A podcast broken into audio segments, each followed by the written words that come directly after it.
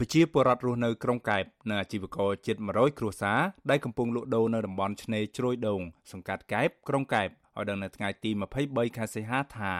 ឆ្នេរសមុទ្រដែលមានខ្សាច់សក្បុសដ៏ស្រស់ស្អាតតាក់ទាញភ្ញៀវទេសចរនៅចំណុចទល់មុខសាលាខេត្តកែបត្រូវក្រុមអ្នកមានអំណាចជនជាតិចិនខົບខិតជាមួយអាជ្ញាធរចាក់ដីបំពេញចូលផ្ទៃទឹក90ម៉ែត្រនិងបណ្ដោយ300ម៉ែត្រ ពួកគាត់សង្កេតឃើញថាគម្រោងអភិវឌ្ឍខ្នាតធំនេះនៅមិនទាន់ឃើញអាជ្ញាធរធ្វើអនុប្រយោគនៅឡើយទេ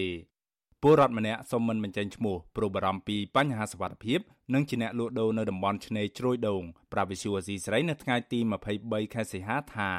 ការចាក់ដីលុបឆ្នេរសមុទ្រកន្លងមកនេះអាជ្ញាធរខេត្តកែបមិនបានផ្ដល់ដំណឹងជូនពួកគាត់នៅឡើយទេ លោកស្រីបន្តថាគម្រោងអភិវឌ្ឍនេះហាក់បិទបាំងព័ត៌មានព្រោះពលរដ្ឋនៅមូលដ្ឋានមិនត្រូវបានអាជ្ញាធរអនុញ្ញាតឲ្យចូលរួមធ្វើសេចក្តីសម្រេចចិត្តលើបញ្ហានេះនៅឡើយទេ ឥឡូវគាត់ចឹងហើយហើយចឹងដូចបិទឆ្នាំងបាយមិនបិទឆ្នាំងបាយជីវករហើយទៅពេលគាត់ចាក់វ៉ាពីក្រួយហើយចាក់ដីពីក្រួយហើយចឹងគ្នានៅលើគោលគ្នារស់ស៊ីមិនបានទៀតគាត់អត់មានគិតពីទុកលំបាកថាជីវករបាត់បាយបាច់អីអត់គាត់អត់គិតអត់ឡើងគាត់អត់មានថាដឹងពីទុកលំបាកយើងហើយយើងធម្មតារស់ស៊ីចំគ្រួសារក៏មានជពាក់លុយធនាគារចងការគេមហោស៊ីចឹងបងហើយគាត់មានគិតពីទុកលំបាកហើយត្រូវខ្លាំងពីកូវីដមកគឺចំណូលធ្លាក់ទាំងអស់ហើយយើងគាត់មានគិតទៅមិនគាត់ដឹងពីថាអភិវឌ្ឍហើយនិយាយទៅគឺខូចចិត្តហើយក៏សោកស្ដាយពេលដែលគាត់ធ្វើអញ្ចឹងហ្នឹងស្ត្រីដដែលបន្ថែមថាពួកគាត់លក់ដូរនៅតំបន់ឆ្នេរនេះអស់រយៈពេលជាង30ឆ្នាំមកហើយហើយថាប៉ះសិនបើអាញាធរបណ្ដេញពួកគាត់ចេញក្រោមរូបភាពនៃការអភិវឌ្ឍនេះនោះនឹងធ្វើឲ្យប៉ះពាល់ដល់ជីវភាព និងមុខរបររបស់ពួកគាត់ធ្ងន់ធ្ងរព្រោះទីនោះគឺជាឆ្នាំងបាយរបស់ពួកគាត់ថ្ងៃក្រោយទៅបើសិនជាចិនជាមួយចិនជាមួយអីគេអភិវឌ្ឍក្រុងអីខ្ញុំគិតថាយូរទៅគឺលែងមានប្រជាជនអាជីវករលែងបានមានកន្លែងរកស៊ីដូចដូចឥឡូវឥឡូវទៀតបងគឺបាត់អស់ហ្មងគឺមានតែមានតែជនជាតិគេហ្នឹងអឺមានចិនមានជនជាតិគេកាន់កាប់អញ្ចឹងយើងក៏អត់សុខចិត្តហើយក៏យើងអត់ចង់ដើរលេងទេបងប្រជាជនដែលនៅក្នុង ចំណែកអាជីវករម្នាក់ទៀតឈ្មោះថេងស្រីពៅឲ្យដឹងយ៉ាងខ្លីថាគម្រោងអភិវឌ្ឍនេះអាជ្ញាធរមូលដ្ឋានប្រាប់ពួកគាត់ថានឹងមិនចុះរុះរើតូបលក់ដូររបស់ពួកគាត់នោះទេបាទអីទេគេលុបទៅឆ្នេរគេអភិវឌ្ឍឲ្យឆ្នេរនឹងរីករីកឲ្យធំជាងមុនណាប៉ុន្តែកន្លែងបងប្រកបអាជីវកម្មអត់អីទេគេអត់មានអ្នកណាដេញទេនៅដដែលវិសុវអ៊ីស្រាអ៊ីមិនទាន់អាចសុំការបកស្រាយលម្អិតជុំវិញរឿងនេះពីអភិបាលខេត្តកែបលោកសំពិសិដ្ឋនិងអ្នកនាំពាក្យក្រសួងបរិស្ថាន លោកនេតភក្ត្រាបាននៅឡើយទេព្រោះទូរស័ព្ទហៅចូលតែគ្មានអ្នកទទួលនៅថ្ងៃទី22និងថ្ងៃទី23ខែសីហាក៏ប៉ុន្តែអភិបាលខេត្តកែបលោកសំពិសិដ្ឋបានចុះជួបតំណាងអាជីវកម្ម6នាក់កាលពីថ្ងៃទី20ខែសីហាដើម្បីបង្ហាញផែនការវិនិយោគនិងដោះស្រាយបញ្ហាប្រឈមនានាអភិបាលខេត្តរូបនេះបានថ្លែងប្រាប់ក្រុមអាជីវកម្មនៅចំពោះមុខថា គម្រោងអភិវឌ្ឍនេះអាជ្ញាធរនឹងមិនចុះរុះរើតូបលក់ដូររបស់អាជីវករសរុបចំនួន74តូបនោះទេ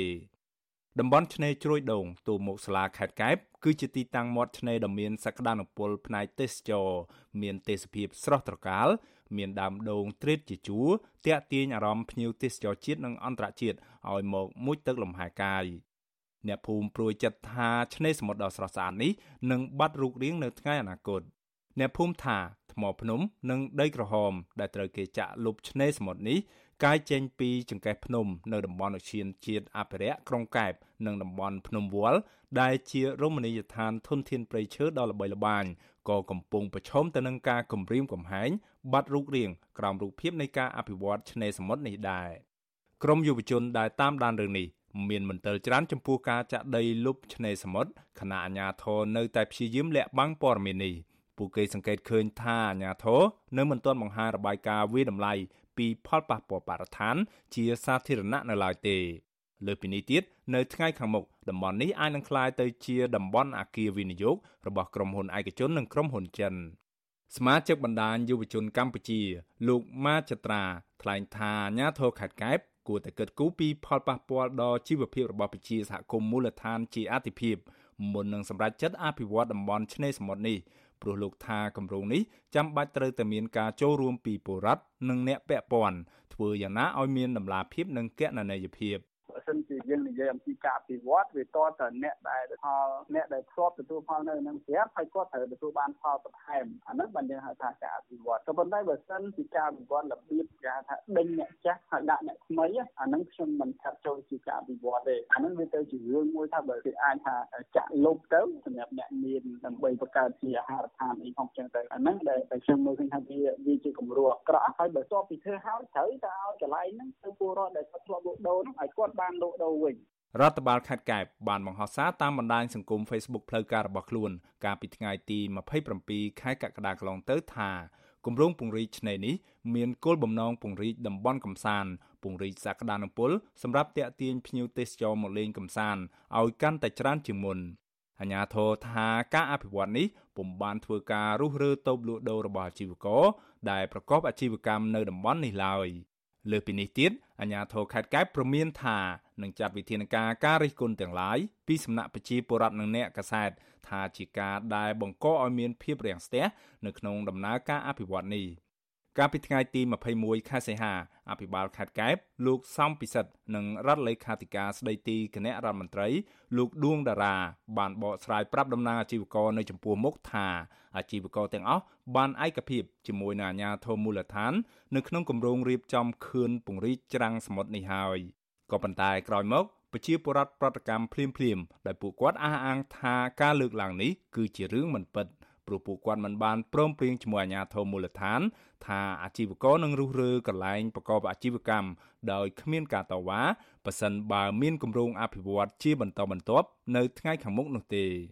ជុំវិញរឿងនេះអ្នកសម្របសម្រួលសមាគមការពារសិទ្ធិមនុស្សអាត់ហុកប្រចាំខេត្តកែបលោកយុនផលីយល់ថាអាញាធមូលដ្ឋាន និងមន្ទីរពាក់ព័ន្ធខ្វះការផ្សព្វផ្សាយព័ត៌មានអំពីគម្រោងអភិវឌ្ឍឲ្យបានទូលំទូលាយជាសាធារណៈ ទើបធ្វើឲ្យប្រជាពលរដ្ឋមានមន្ទិលហើយតែងតែលើកគ្នាមកតវ៉ាជាបន្តបន្ទាប់លោកបន្តថាអាញាធមូលដ្ឋាន គួរតែជួបពិភាក្សាជាមួយប្រជាពលរដ្ឋពន្យល់អំពីគម្រោងអភិវឌ្ឍនេះឲ្យបានល្អិតល្អន់ជៀសវាងធ្វើឲ្យពួកគាត់មានការព្រួយបារម្ភបើ